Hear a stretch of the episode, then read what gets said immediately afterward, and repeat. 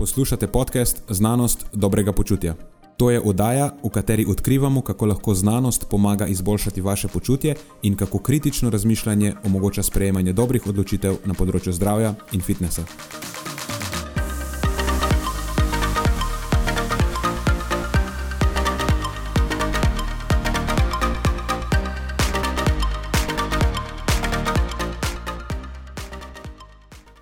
Preden začnemo, pa se moram zahvaliti še našim sponzorjem. Zaenkrat to še vedno ni velika korporacija, temveč zvesti poslušalci, ki nam izkazujete zaupanje in podporo s prijavo v našo člansko skupino Znanost dobrega počutja. Hvala vsem, ki s tem držite luči prižgane in omogočate podkastu, da raste in postaja še bolj kakovosten.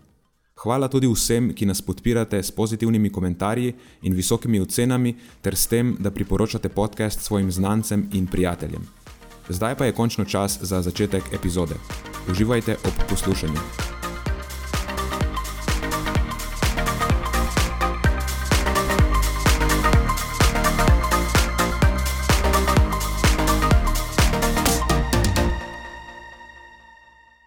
Okay. Uh, jaz sem ugret. Sem slišal, da si imel že jutranji kardio. Ja, jutranji kardio v obliki potiskanja avtomobilov, kaj češ lepšega. Zato pa treniramo v fitnessu, zato da smo potem sposobni v resničnem svetu kakšno pravilo narediti. Mislim, da boš moral to malo bolj opisati. A, ja, Potiskanje avtomobilov lahko pomeni yeah. Ja. marsikaj. No, lej, odvisno, kako si to stvar interpretiraš, pa uh, kako, kako zelo veliko domišljijo imaš. Ne, ne hecam se. Imamo dva avtomobila in od žene avtomobil je malo hecal, v smislu akumulatorja, ki se je izpraznil, tako da smo imeli eno jutranjo akcijo. Mogoče si ga zagnati. Res, ja, tako je. Ja. Veš tisto, kar te res vrže ven iz posle, pa neki ne. Tako. Kaj, kaj če ti normalna budilka, če imaš lahko ja. nekaj tasga? Veš? Je v bistvu pika opravila nalogo na mesto mene. Tako, tako. Oziroma, niti ni. Pomagala mi je. Niti ni to pika kriva, kot je avto kriv. Tako, tako da eh, fizično sem zagotovo ogret. Ok, ti si torej že ogret, pa ne rabi vas po ogrevanju. Mislim, da se moram še verbalno ogret. Razen okay. če štejejo psovke, ki jih imaš potem zjutraj. Ne vem, če. Kao, da se ti kri vrne v možgane zdaj.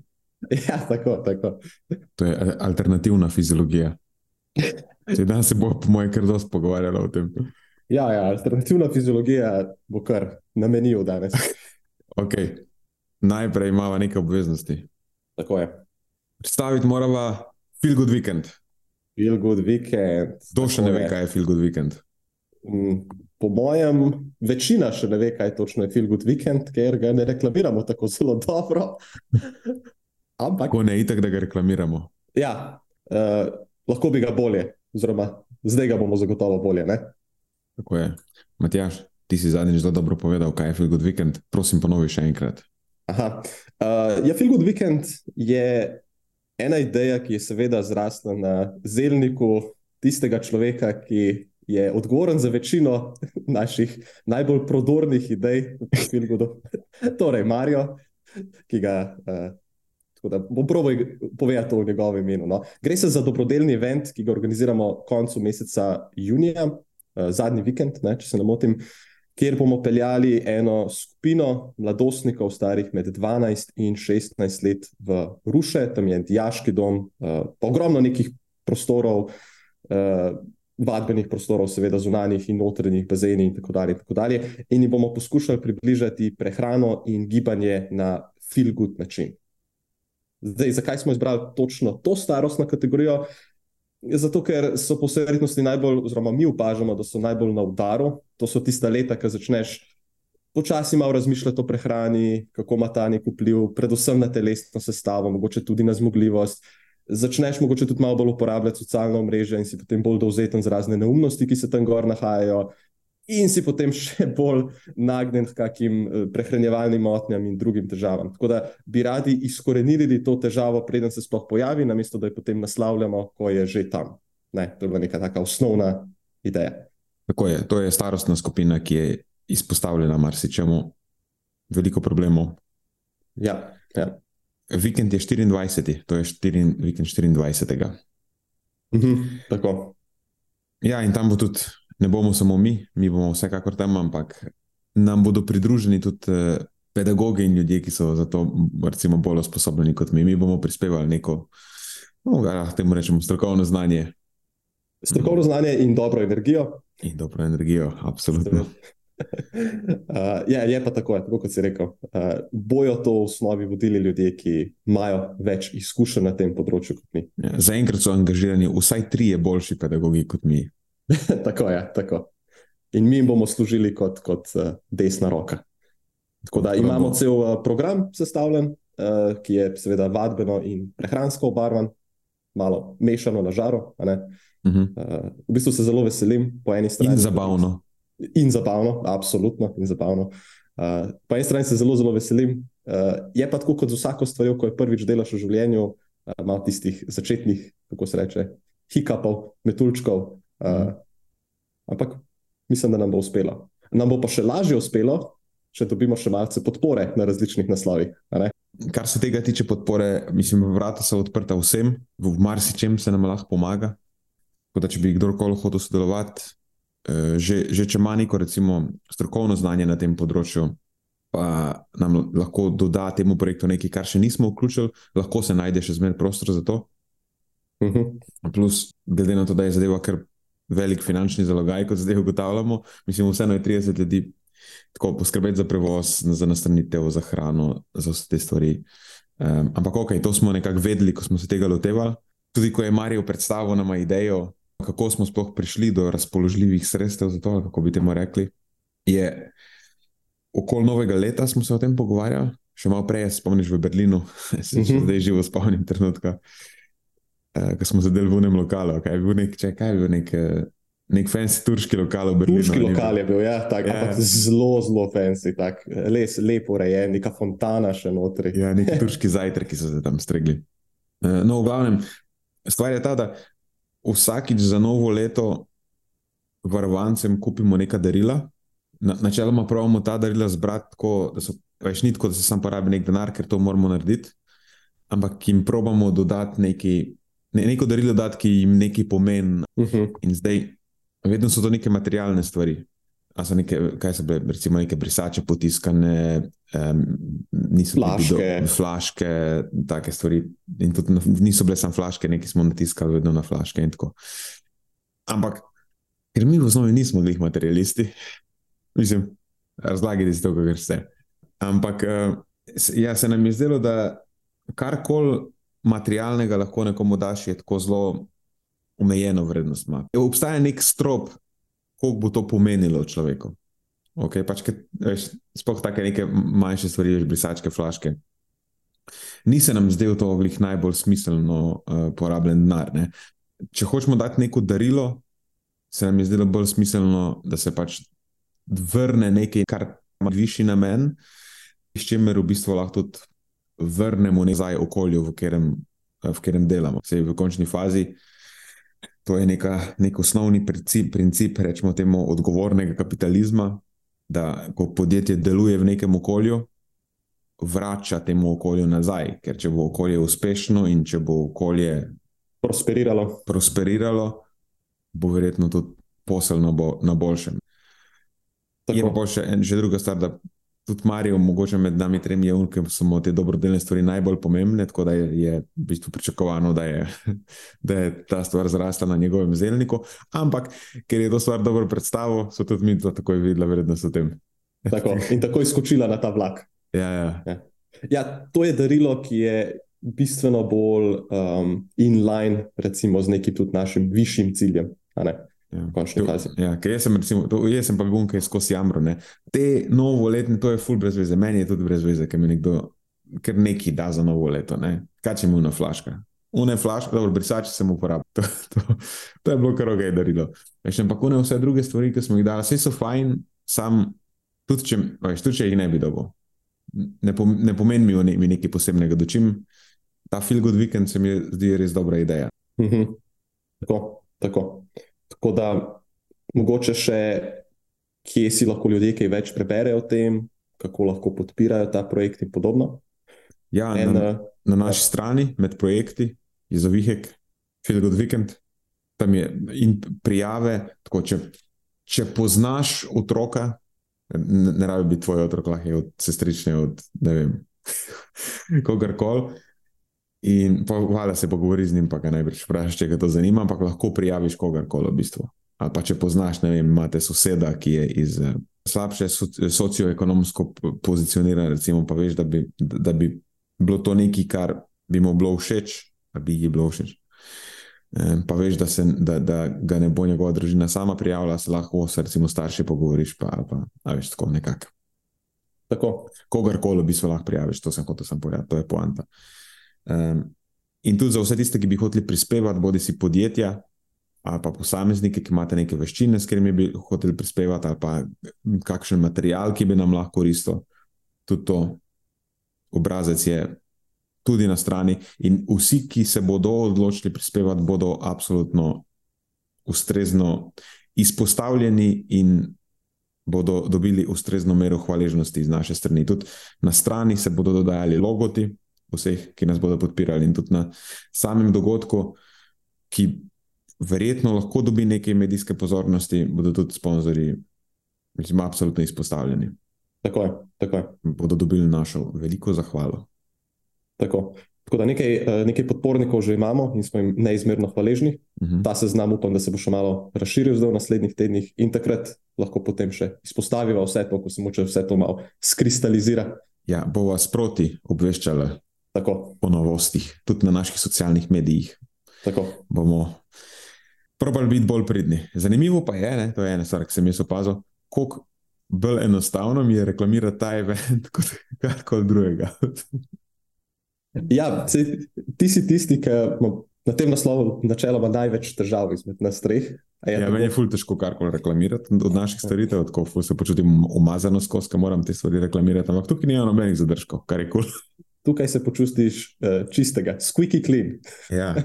ja. Okay. Kar je zelo nenavadno, ne ker samo, ker je pri nas najbolj goreč zagovornik kapitalizma, ampak mi je na koncu vseeno težko reklamirati svoje storitve. Zelo enostavno mi je pa reklamirati dobro, dobrodelne stvari, ampak sej. Vse to marsikaj pove o tvojem karakterju, to ni, to ni slaba stvar. mogoče, grede, mogoče. Super. Tako okay. da, updati sledijo ne, v naslednjih epizodah. Updati sledijo v naslednjih epizodah. Ej, že nekaj časa je, odkar sem se videl na zadnje, tako sestavila, ali moramo še kaj spucati, preden začneva. Ali imamo še kaj na račun, če se lahko še bolj ogrejejo? Ker ti si sicer tiskal avto, jaz sem kar ostal s pojstle, tako da okay. jaz mogoče še rabim malo, da se mi zažene. Okay. Uh, Moče še en, en hiter update na, na mojem naslovu je ta, da hm, je program Prehrana za zmago doživel rahlo preobrazbo v zadnjem času. Malo mal sem ga spucal, malo sem ga skrajšal, oziroma oduzel tisti balast stran, ki se mi ni zdel najbolj koristen za to dotično populacijo. Uh, in zadeva se mi zdi, da zdaj funkcionira po takem principu, kot sem si jaz to želel. Uh, program Prehrana za zmago, moče za tiste, ki ne veste, zakaj točno se gre, to je pa spletni program uh, športnega prehranskega svetovanja, v bistvu je tak mal hibridni program, da se obdela določene module sam uh, online obliki naprej posnetih uh, videov, in potem se seveda srečamo v živo, to se je zgodilo včeraj, ali pa online, da predebatiramo te stvari, kaj se pa zdaj dogaja v praksi. Ideja je v bistvu izhajala iz tega, nečem, čemer ste se pogovarjali ne, nekaj epizod nazaj. Kako izobraževanje, recimo, poteka po nekotu tujini, ne? kako mhm. ti lahko ne da uh, na tistem dotičnem srečanju prvič slišiš za nekatere stvari, in potem, seveda, ne moreš postavljati dobrih vprašanj, ker si zdaj prvič izpostavljen neki informaciji. Tako pa se lahko predpripraviš in spraviš nekatere stvari že prej v prakso in vidiš, s katerimi stvarmi, uh, kaj ti gre, kaj ti ne gre, in podobno. Da, uh, to je recimo ena novost, in vezano na to, mogoče še, ker so ravno to posamezniki, ki so se recimo v zadnjem času največ udeležili tega programa. Uh, postal sem strokovni sodelavec na naslovu športne prehrane za atletsko društvo MAS, to je naš najboljši atletski klub zadnjih deset plus let, in pa prvi uradni, vsaj uradni športni nutricionist pri Košarkarski zvezi Slovenije. Tako da bomo videli, kako te stvari uh, šibajo dalje, pa vas tudi malo updatemo na tem naslovu. Hu, bravo, Matjaš. Ne, hvala. Tako da uh, to je recimo ena izmed novosti. Uh, ena izmed novosti, da še tebe malo zagremo, ne, verbalno zagremo, je pa, vem, da si bil pred kratkim na enem super zanimivem izletu v Pragi. Uh, ja, vmes so bili prazniki, oba dva sva bila v bistvu na. Oba dva sta potovala čez praznike. Tako, oba sva potovala čez praznike, oba sva, še posebej ti, si imel nekaj zelo zanimivih jedi, kot sem videl, ki si jih potem še malo, kako bi temu rekel, še malo oplemenitil z feel-good pristopom. uh, ja. mm, jaz rad potujem, pot, ampak vedno, ko kam grem, probam podoživeti v ne kraje čim bolj avtentično, kako bi se temu reklo. Eh, pač nisem on turist, ki bo šel nekam ležati na plažo ali pa da, da noge v zrak.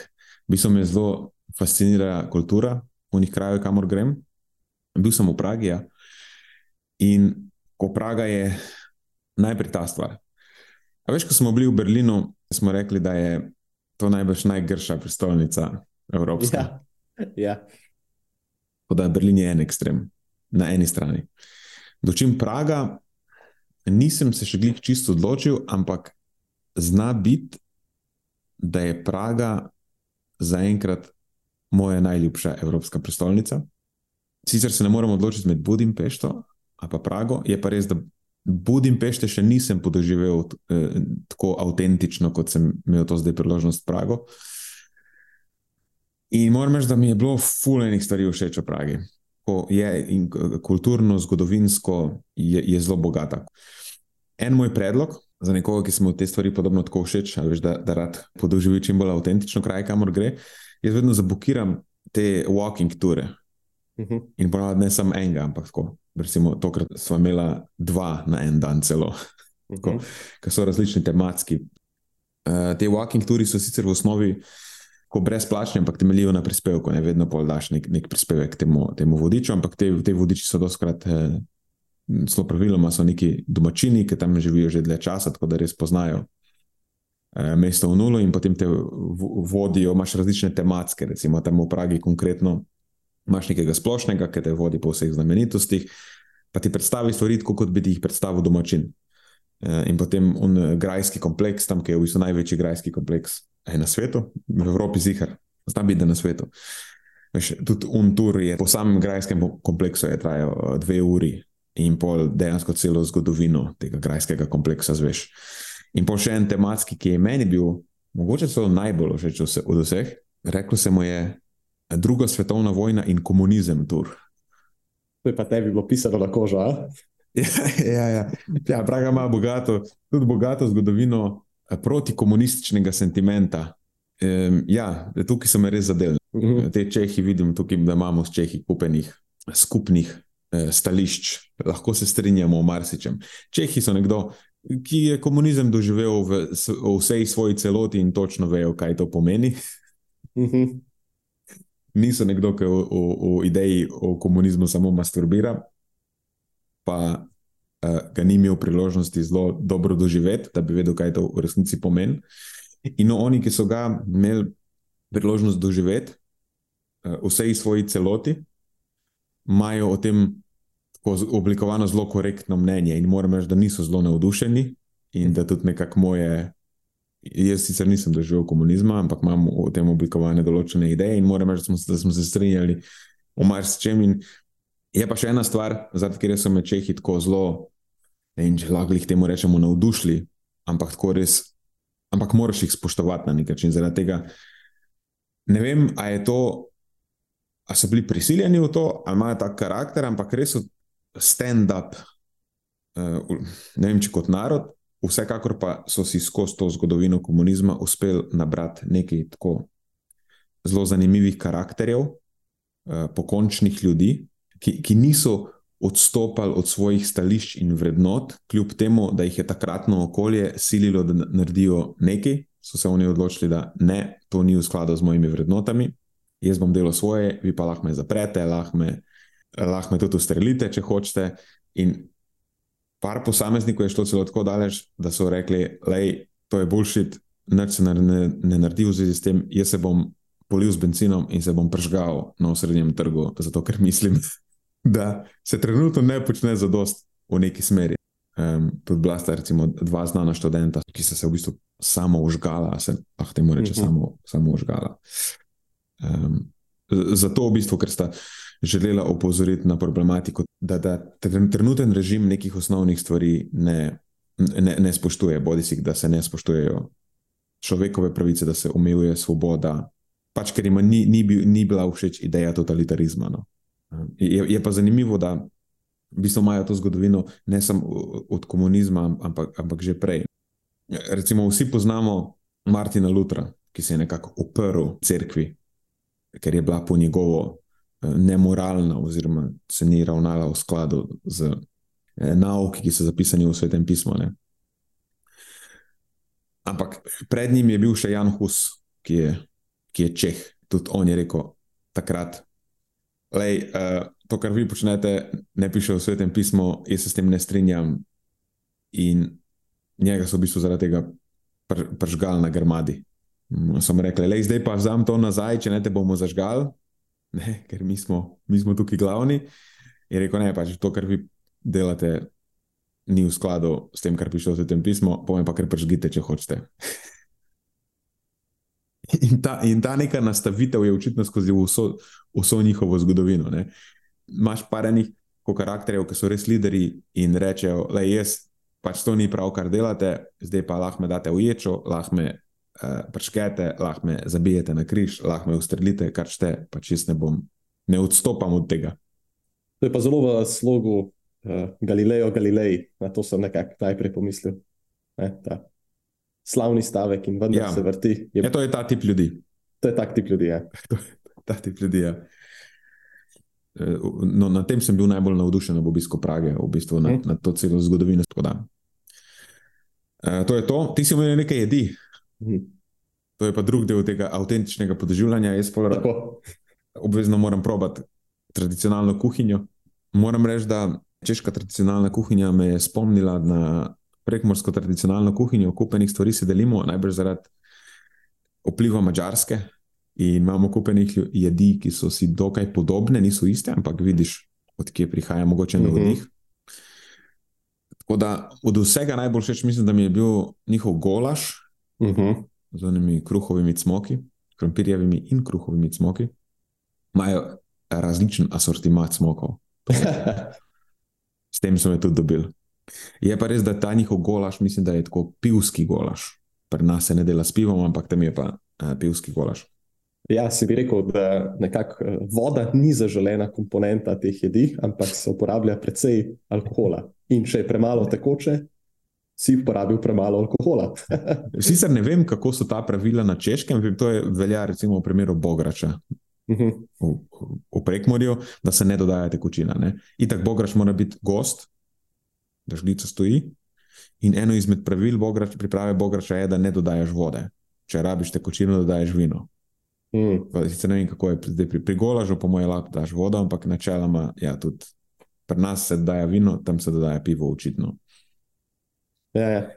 Je pa tako, tega prej nisem vedel, najbolj, rekel bi, mogoče najbolj tradicionalna jed češka je nekaj, čemu se reče svičkova. In je tako nekaj, kar, ko prvič slišiš, ti ni glih jasno, kako se te stvari sestavijo gre za kovej izrezek v smetanovi omaki. V bistvu je neka smetanova sirova omaka, ni, ni, ni samo smetana, ampak je tako že malo vleče skoraj na, na sladko. Ampak pazi to, pol dajo na vrhu še stepeno smetano, stepeno sladko smetano, razumeš, ki je ono nasadno kupo. In potem mislim, da je neka marmelada, je brusnična marmelada, se mi zdi, da pride še. In potem k temu zraven imaš kruhove smoke ekstra. Ja, mislim, je res ekstra. Re, res se dobro sestavi, no? ampak je cela je tako sladka. Uh -huh. um, je pa zanimivo, kako enih stvari sladkih pri njih, tudi solate so sladke. Sladke solate. Ja, okay. Imajo neko zelena solata. Ja, Drugač, puje smešno, oni ne jejo do zelenjave. Glih. V dveh restauracijah je bilo tako, čakaj, kako, ne, ne, mi ne strežemo zelenjave. Edino, kar lahko naročiš, je neka kol, slova varianta salata in ona ti pride z smetano in sladkorjem, in tako zdaj ponovim, dajo še majonezo zraven. Kaj veš, težko bi temu rekel solata glih. E, težko, težko to je, kot da bi rekel tisti kavi iz Starbucksa, ki ima pohrane smetane, pa bombončkov, pa piškotkov noter, da bi temu rekel kava.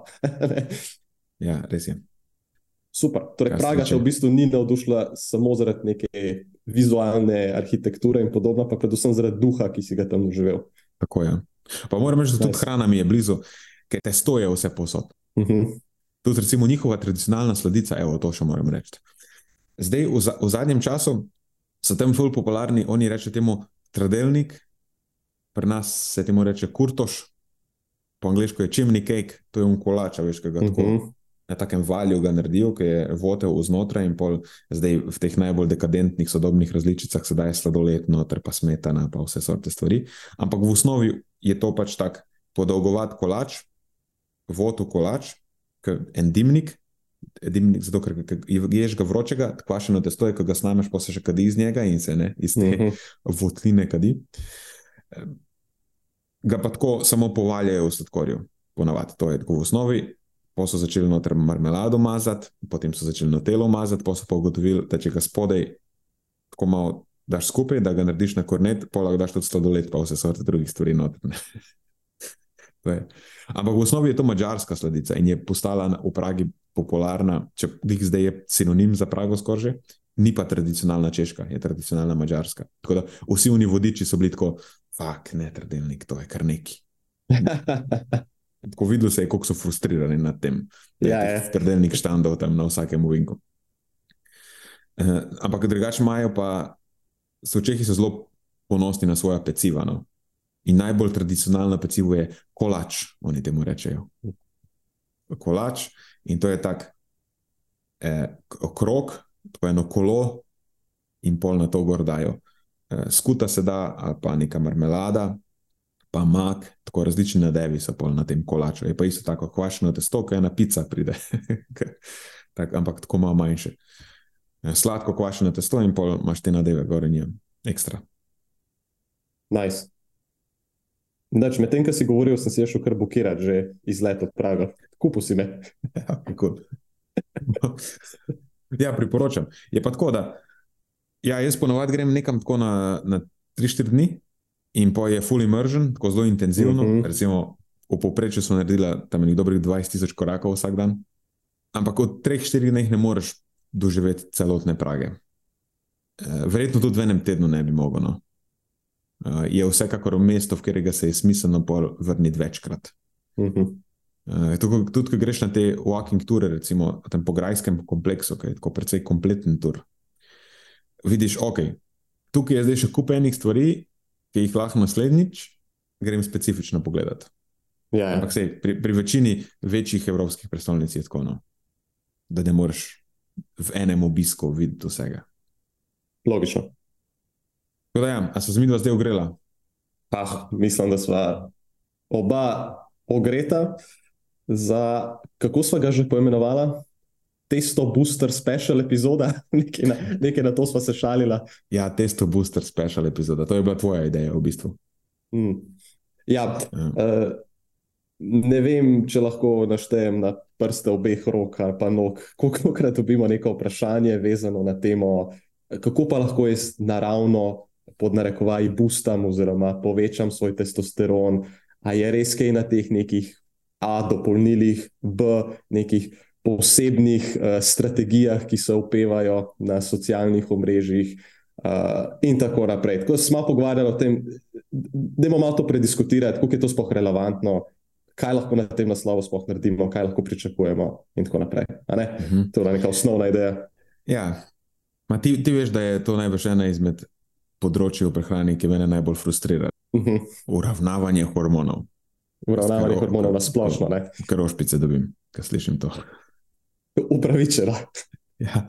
In v zadnjem času je to, ne vem, to uravnavanje testosterona res se je razpaslo. Imáš kup nekih gurujev, in mm -hmm. ki ti zdaj po, po internetih prodajajo optimizacijo testosterona, kako je to pomembno. Tudi neki ljudje, ki tako nimajo nobene veze s prehrano. Tam imaš nekega, ne vem, biznis influencerja.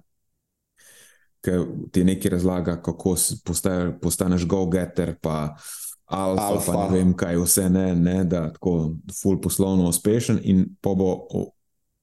Slej, ko prej bo prišel na vrsto video, kako moraš optimizirati svoj testosteron, da si lahko uspešen podjetnik. Veš, in pa imaš nekega drugega, ki ti nekaj drugega razlaga, imaš nekega faki, ne vem, tam dating guruja in ti on zdaj razlaga neki neki, in pol tretja epizoda bo, ampak moraš optimizirati svoj testosteron, če hočeš biti super mačo, men, ne vem, whatever, the fuck, nimam pojma. Ampak pri vseh teh je v bistvu predpogoj to, da imaš vrhunski testosteron, sicer ne moš ne unga, ne tizga, zares, zares dobro loviti.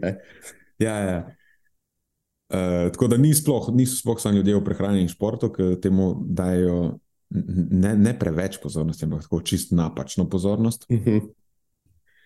Um, torej, ja, ta optimizacija testosterona je nekaj, kar se je očitno razpaslo, uh, razpaslo v zadnjem času.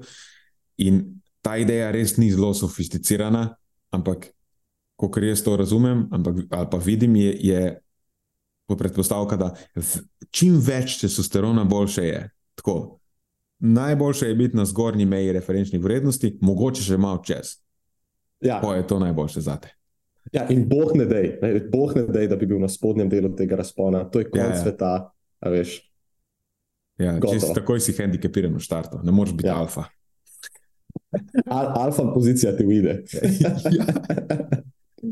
okay, vsako, ki je smešen ta izraz alfa. O tem enkrat drugič ne bom. Si enkrat drugič, ja. Zapletel tole. Veš, da imam tudi o tem izoblikovano mnenje. Verjamem. Veš, to je Ja. ono, če moraš reči, da si alfa, to je kivno, ki mora punca reči, da je, da je dama, polni dama. Če moraš to eksplicitno deklarirati, pol nisi. Pa to nisi, ne.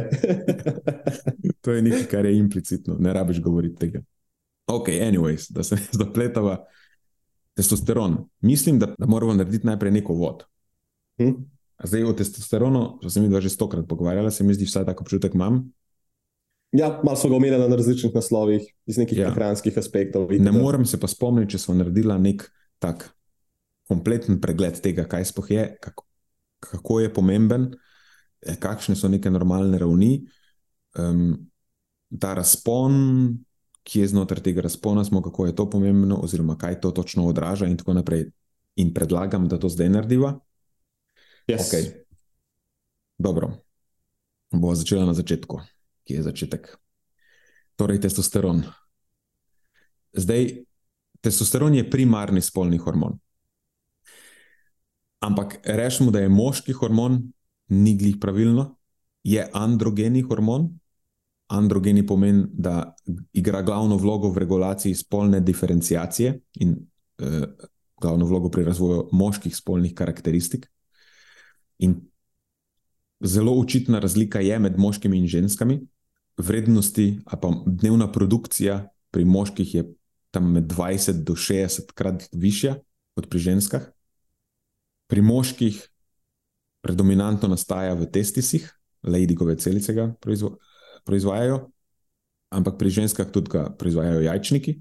Pri obeh spolih ga še nekaj malega potem nastaja tudi v nadledvičnih žlezah. Ampak je zelo očitna razlika med moškimi in ženskami, normalno. Ker, kot smo rekli, igra najprej glavno vlogo v regulaciji spolne diferencijacije. Kaj to pomeni? To pomeni zelo preprosto, da zarodek spremeni iz ženske v moškega. Ker po defaultu, kako je to, po osnovni nastavitvi, bi vsak zarodek postal ženska.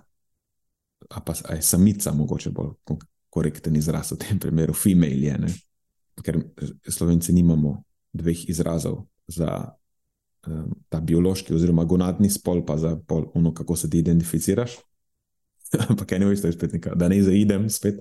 V glavnem vsak zarodek bi po defaultu postal ženska in izpostavljenost testosteronu je tista, ki sproži razvoj moških karakteristik že pri, pri zarodku. Če imaš genotip XY in vse deluje normalno, je SRY regija na tem Y kromosomu, to je Sex Determining Region Y. Mislim, da je po slovensko testis determirajoči faktor ime Mhm. produkta te regije. Eh, V glavnem ta zadeva potem povzroči produkcijo testosterona eh, v, v zarodku in to spremeni to default nastavitev, da se zarodek na mesto ženske razvije eh, v moškega. In to pomeni najprej razvoj teh primarnih spolnih eh, karakteristik, najbolj očitno je pač razvoj penisa in testisov. Ampak v bistvu že pri zarodku zelo pomembno vpliva na morfologijo v, v vseh eh, tkiv. O tem so tudi govorili, da pač povzroča neke strukturne spremembe že takoj na začetku, praktično od. Um, nisem embriolog, ampak nekega šestega tedna, po moje, uh, zarodka naprej. In o tem konkretno so govorila, ko so se pogovarjali o tej problematiki testosterona v športu. Veš, uh mhm. -huh. Testosteron je v bistvu zelo neka eh, kont kontroverzna tema. Ja. Ker če imaš že od otroštva visok testosteron, to je nekaj, kar, na kar pol ne moreš, veš, ne moreš se kar odločiti. Tega ne moreš spremeniti več pol za nazaj. Imáš neke Tako. prednosti, lahko temu rečemo, v spohu športu se temu rečejo prednosti, um, ki izhajajo že iz tega, da si bil kot zarodek izpostavljen testosteronu. Pa tudi, če greš na terapijo, še zmeraj imaš te prednosti, ker so organizacijske spremembe se zgodijo. No? Uh mhm. -huh. Ampak, ok, to zdaj ni glavna tema. Um, no, pol druga stvar, ki se je rekla, glavna vloga testosterona, je pa razvoj uh, sekundarnih spolnih karakteristik. Ne? To se zgodi pa v, v adolescenci oziroma v puberteti, kjer testosteron sproži razvoj sekundarnih spolnih karakteristik, maskulinizacija, se temu reče, ne vem, če je to slovenski izraz. Uh, E, to pa pomeni, da se ti poglobi glas, vpliva na telesno poraščenost, vpliva na uh, razvoj mišične mase, mišične moči. To, to pomeni, pač, da imaš več mišične mase, močnejše mišice, uh, sproži se produkcija sperme, tudi uravnava rast kosti, rast kosti, bone growth je po angliško, ne vem, če je slovensko rast kosti, ampak whatever, vemo, kaj pomeni. In pol skozi življenje, tudi kasneje v odrasli dobi, v bistvu testosteron uravnava to, uh, ta bone growth, moč kosti, uh, vpliva na kostno mineralno gostoto. Vemo, da recimo pri ljudeh, ki trpijo za relativnim energijskim pomankanjem, sploh v športu, um, kjer pride potem do znižene produkcije testosterona, da ni problem samo zmanjšanje mišične mase, pa izguba moči, ampak da tudi kostna mineralna gostota je na udaru. Pri suboptimalnih ravneh testosterona. Pol. Druge stvari so pa to, da uravnavajo tudi razpoloženje, libido, tudi kognitivno funkcijo v neki meri in zna biti, da še kaj drugega, kar, kar bodi se mi zdaj ne pade na pamet, ali pa tudi nekaj, kar ne vem, ali pa kar nasplošno še ne vemo. Ne. Ni zdaj, da je testosteron nekaj, kar smo v popolnosti raziskali, pa vemo vse o tem. Tako da to bi bile neke osnove tega testosterona, bi jaz rekel. Uh mhm. -huh. Naslednja pomembna stvar je ta, um, gre za steroidni hormon. Zdaj, ponavadi ima to neko tako slabo konotacijo. Ja, ampak v bistvu ne, pom, ja, v bistvu ne vem, zakaj sicer, ker to se nanaša na kemično strukturo testosterona. Da, je... Zato, ker običajno enačimo z nekim uh, koba, ne, goljufanjem v športu in podobno, čeprav seveda to ja, ampak, nima veze. Steroid, ja, steroid nima, nima veze, s tem v bistvu se to nanaša, tako kot pravim, na na to uh, komponento kemične strukture testosterona, ki je sintetizirana iz holesterola, tako kot recimo tudi estrogen, progesteron, kortizol. In holesterol je začetni substrat, iz katerega se ti steroidni hormoni sintetizirajo. In to je zdaj ključna točka, v bistvu, tukaj se mi zdi ta holesterol. Uh mhm. -huh. Ker potem iz tega pridejo namigovanja ali pa celo trditve, da je holesterol iz prehrane, a pa vse v prehrani, kar vpliva, vpliva na holesterol, nekako povezano z ravnmi testosterona. Recimo tudi nasičene maščobe. Recimo, ne, kao, nočeš znižati nasičenih maščob, ker nasičene maščobe zvišujejo holesterol v krvi. Predvsem LDL holesterol, in potem več holesterola, kot imaš v krvi, več je substrata in več testosterona bo nastajalo. Ne. To, mislim, prvo, že v osnovi je eh, čisto zgrešeno, ker je produkcija testosterona nadzorovana po povratnih zankah, ne, ne moreš kar dovajati nečesa noter in ga bo nastajalo več, če ni potrebe potem. Naslednja stvar je pa ta, da endokrine žleze, tudi spolne žleze, ki proizvajajo testosteron, holesterola ne dobivajo iz LDL delcev, ampak ga sintetizirajo same, če ga pa rabijo, ga pa prevzemajo iz HDL delcev. In zdaj povišanje LDL holesterola ima fakal veze z dobavo holesterola endokrinim žlezam, ali še manj pa vpliva na produkcijo testosterona ali pa kjerkoli drugega steroidnega hormona. Dočim po drugi strani pa lahko seveda vpliva negativno na številne druge zdravstvene parametre. ja. In pač večina tkiv, pa to velja tudi za testi, se, če govorimo specifično ne, o testosteronu, praktično ves svoj holesterol sintetizira samo, če ga pa potrebuje, ga pa prevzema iz HDL delcev. Uh, da, tukaj, mislim, da smo se že pogovarjali o vplivu maščob v prehrani. Tako, Kako je to povezano uh, z testosteronom? Tako, kakor tudi nizkohidratnih pristopov in kako ta vpliva na testosteron. Ja. Uh, ampak deva to odložiti za kasneje, ker se bo itak pogovarjalo o referenčnih vrednostih najprej in kako so te neke spremembe, ki jih lahko, na, na kjer lahko vplivaš s prehrano, kako so v bistvu nerelevantne uh, same po sebi. Ne? Recimo, ne vem sicer točno, kako so te referenčne vrednosti, vse neki v nas križ določene. Uh, mislim, da večinoma je tako, da 300 do 1000 nanogramov na deciliter so te meje referenčnih vrednosti, a pa 10 do 35 nanomolov na liter, nekaj takega uh, mora biti. Ja, ja, tako je 300 do 1000 nanogramov na deciliter, oziroma 10 do 35 nanomolov na liter. Ja, ampak to je, to je tako ogromen razpon. To je zelo velik razpon. Ja. To, to so res ogromne razlike. Ne vem, če, če sploh ker parameter ima tako širok razpon kot tole. Hm, dobro vprašanje, nisem prepričan. In, in tukaj zdaj pridemo do tega, da ta trditev, a veš, optimizirati ga moraš na zgornjo raven, ker eh, testosteron, visok testosteron je dober za vse, veš, performance, kognicijo, počutje, libido, XY. Razumeš? Več testosterona, boljše je. V bistvu ne. Moraš biti na tistih vrednostih, ki so zate, ok. In v bistvu so zate, ok, lahko precej, vrednosti precej nizko, tudi na, lahko so celo proti spodnji meji referenčnih vrednosti in si čist ok. Ja, in to smo to že večkrat doživeli pri kakih mladih športnikih, ne, kjer bi si, veš, načeloma pričakuješ, to je zdaj tvoj uh, androgeni vrh tvojega življenja, odrekovaj. Uh, imaš mladega športnika, ki ima zelo ugodno telesno sestavo, redno telesno aktiven, nadpovprečna mišična masa in vse to, pa ko pravijo nek ne vem, redni pregled uh, krvne slike, vidiš, da se nahaja bolj na tisti vem, prvi tretjini ali pa na nižjem delu razpona. Uh, ja, nobenih težav nima, absolutno ja. nobenih ja. težav nima. Plus to, da imaš tudi na drugem ekstremu ljudi. Uh mhm. -huh. Jaz sem videl že nad zgornjo mejo referenčnih vrednosti. Sicer ni bilo nič narobe s tem posameznikom, ampak tako ni, a veš, bi rekel, fuk, on ima pa 35 pa nekaj nanomolov na liter. A veš, to bi zdaj mogel biti en model, ki sem pogledal, oteži, pa mu mhm. začnejo rasti mišice, razumeš, cel uh, mačo men, vse testosteron v bistvu vre iz njega, ampak v bistvu ni bil.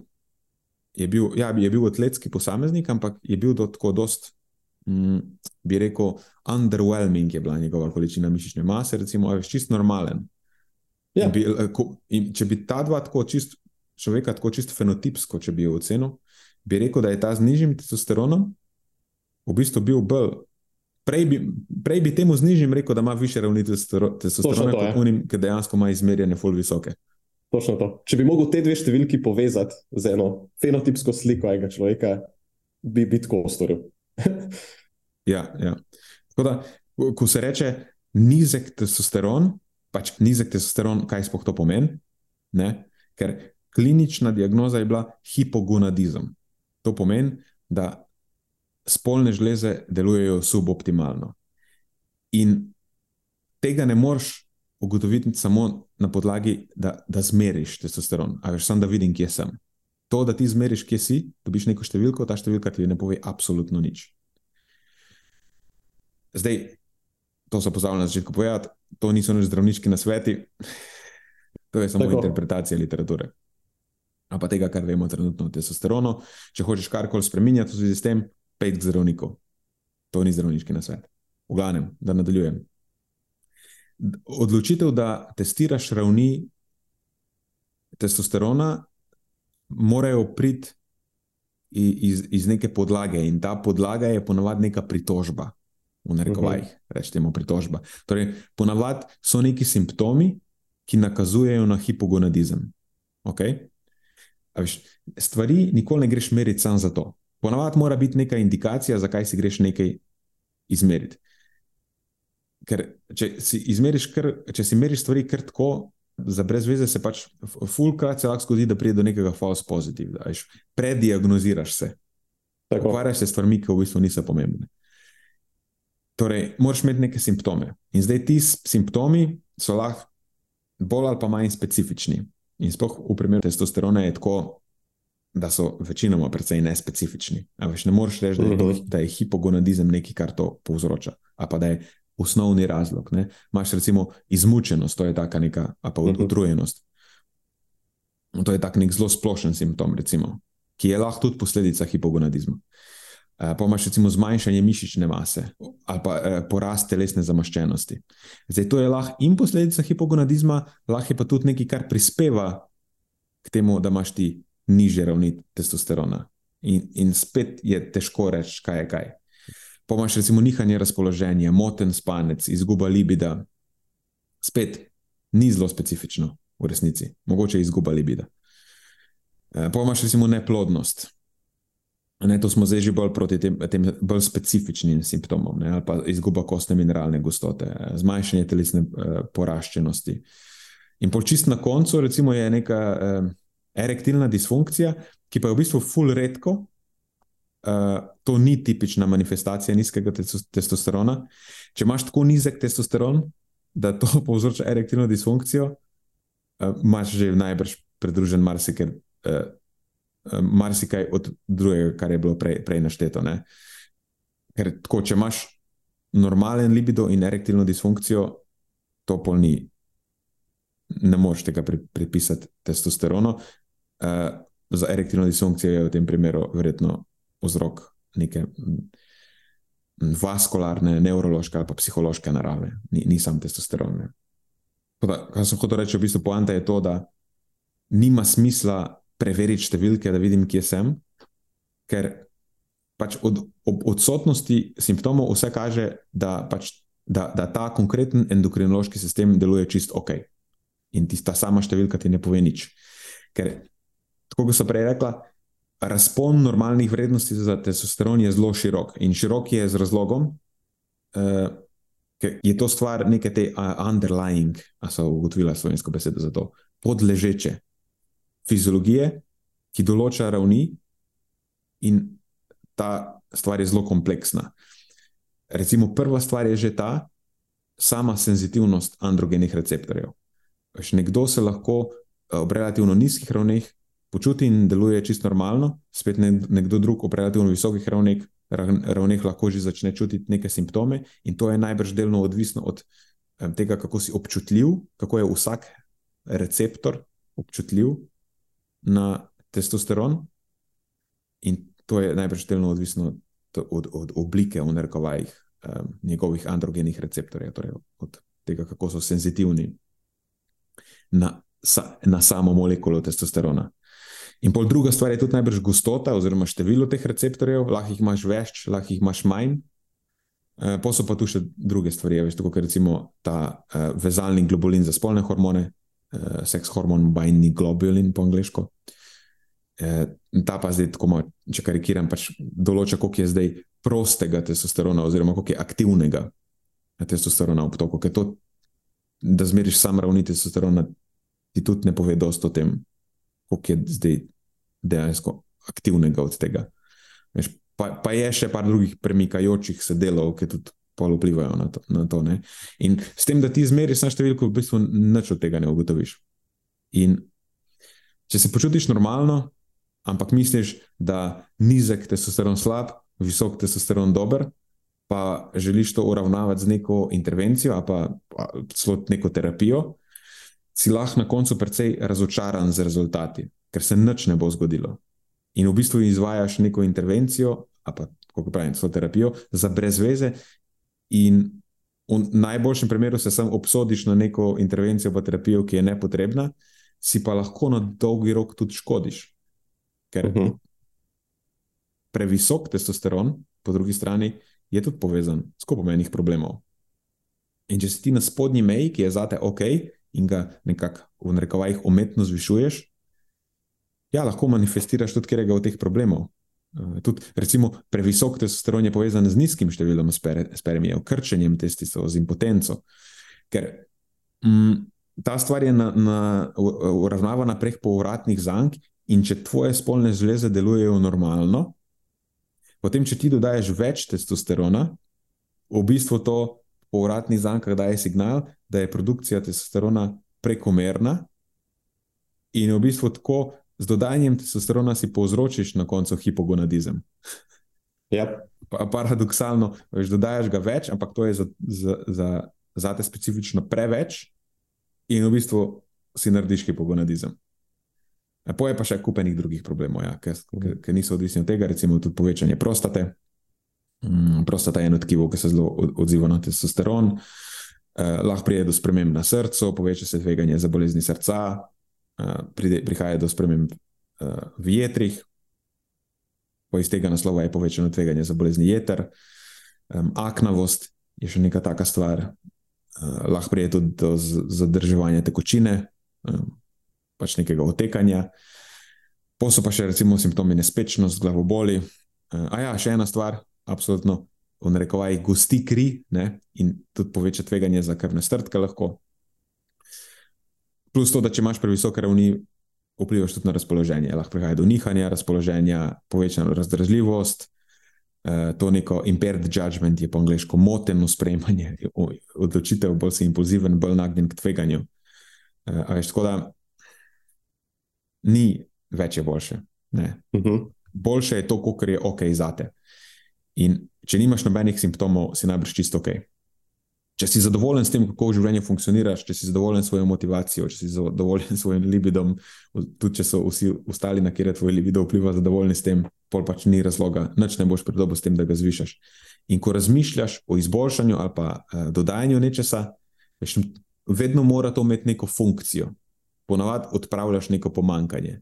In tukaj je ključno vprašanje, zakaj misliš, da moraš imeti višji testosteron. Nek, nek konkreten razlog uh, mora obstajati. Uh mhm. -huh. Nisem, da bom preveril, kje sem, pa pol, da vidim.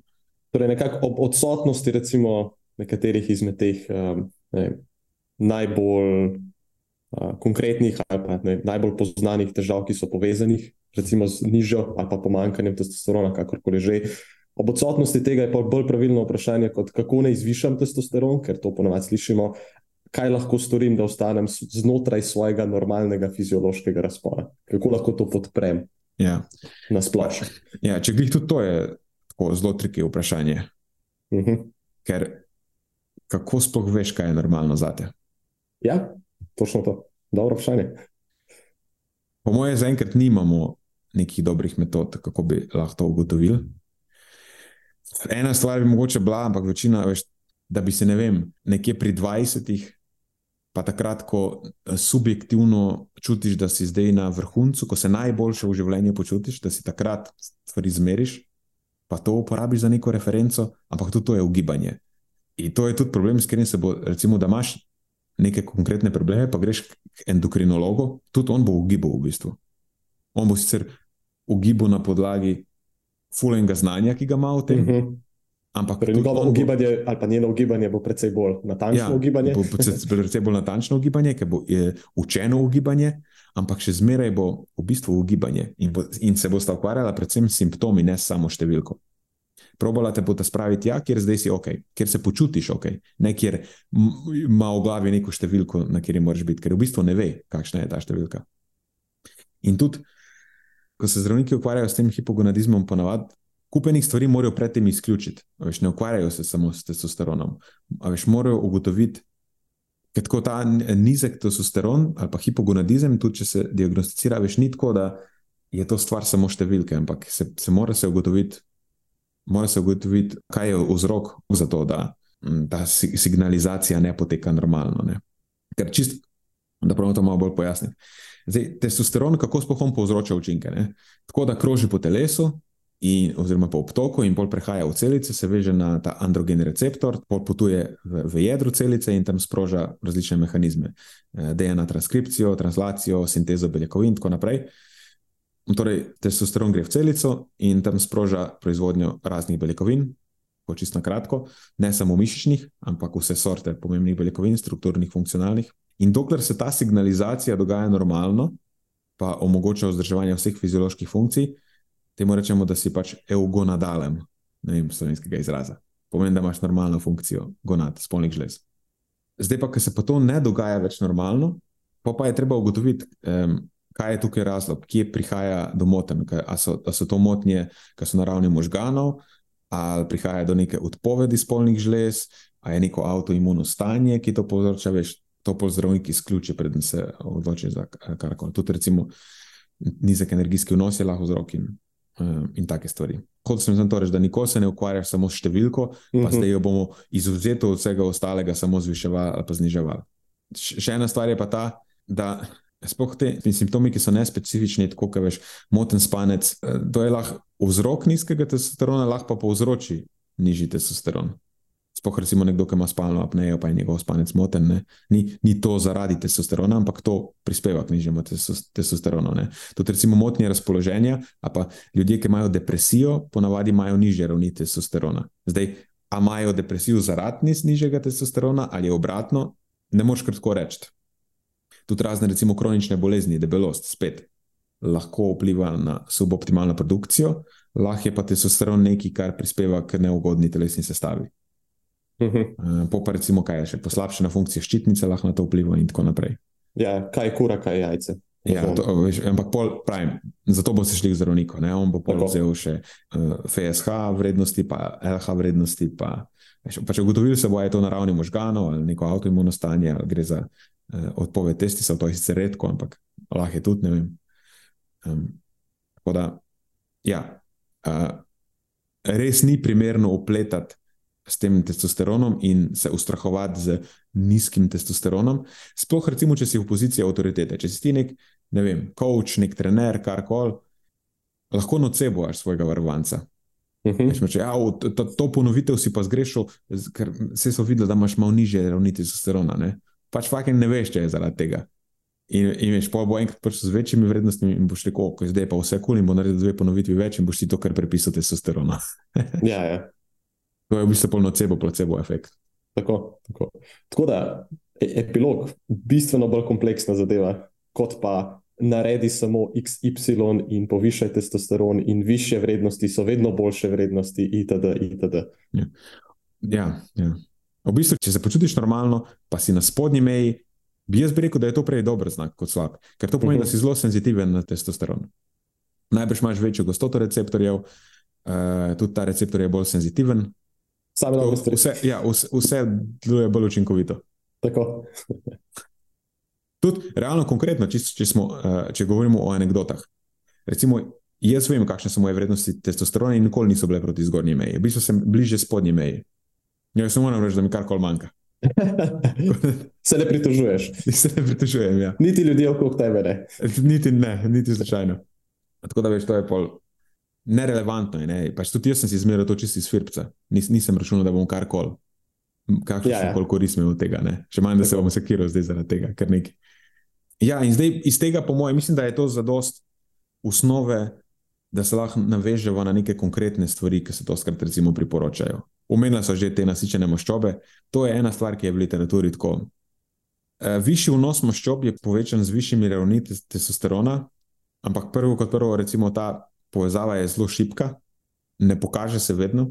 Imáš tudi raziskave, v katerih je višji vnos maščob povezan z, povezan z nižjimi ravni. Ampak recimo, če bi gledal težo dokazov kot tako, večinoma krat je pokazano, da več maščob v prehrani ima poviša testosteron.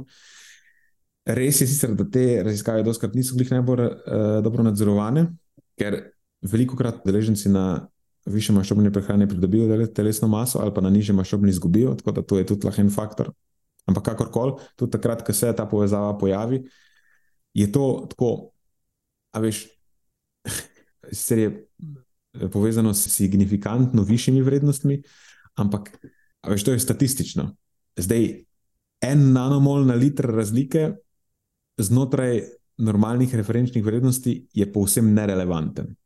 Tudi doskrat ali niso poročene vrednosti prostega testosterona, ali pa se zgodi, da se recimo prosti testosteron v deležih ne spremeni sploh. Pomeni, da potem je vpliv tudi na na ta seks hormon binding globulin, kar povzroči, da se potem ravni prostega testosterona v bistvu ne, ne spremenijo tako, da bi to imelo kakršen koli opremljiv vpliv. In večina, recimo, prehranskih intervencij, ki se ukvarjajo s tem, ugotavljajo, da viš, v okvirih neke normalne prehrane ne moreš s prehrano vplivati uh mhm. -huh. na produkcijo testosterona, ker je stvar uravnavana po povratnih zankah. Lahko pa recimo vplivaš tako, da je tvoja prehrana čist za nič. Veš, če imaš konstantno, kronično prenizek energijski vnos, po boš začel, raz, po boš začel raz, ja. razpadati, ja, razpadati boš začel kompletno in bo razpadla tudi tvoja uh, funkcija tvojih spolnih žlez.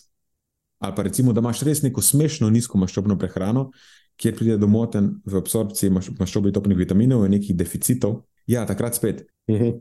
Ampak v okvirih neke normalne prehrane zdaj sprem, eh, spremeniti delež iz 20 odstotkov maščob na 30 ali pa celo 40, ne bo se odrazilo pomembno veš, na funkciji tvojih spolnih žlez.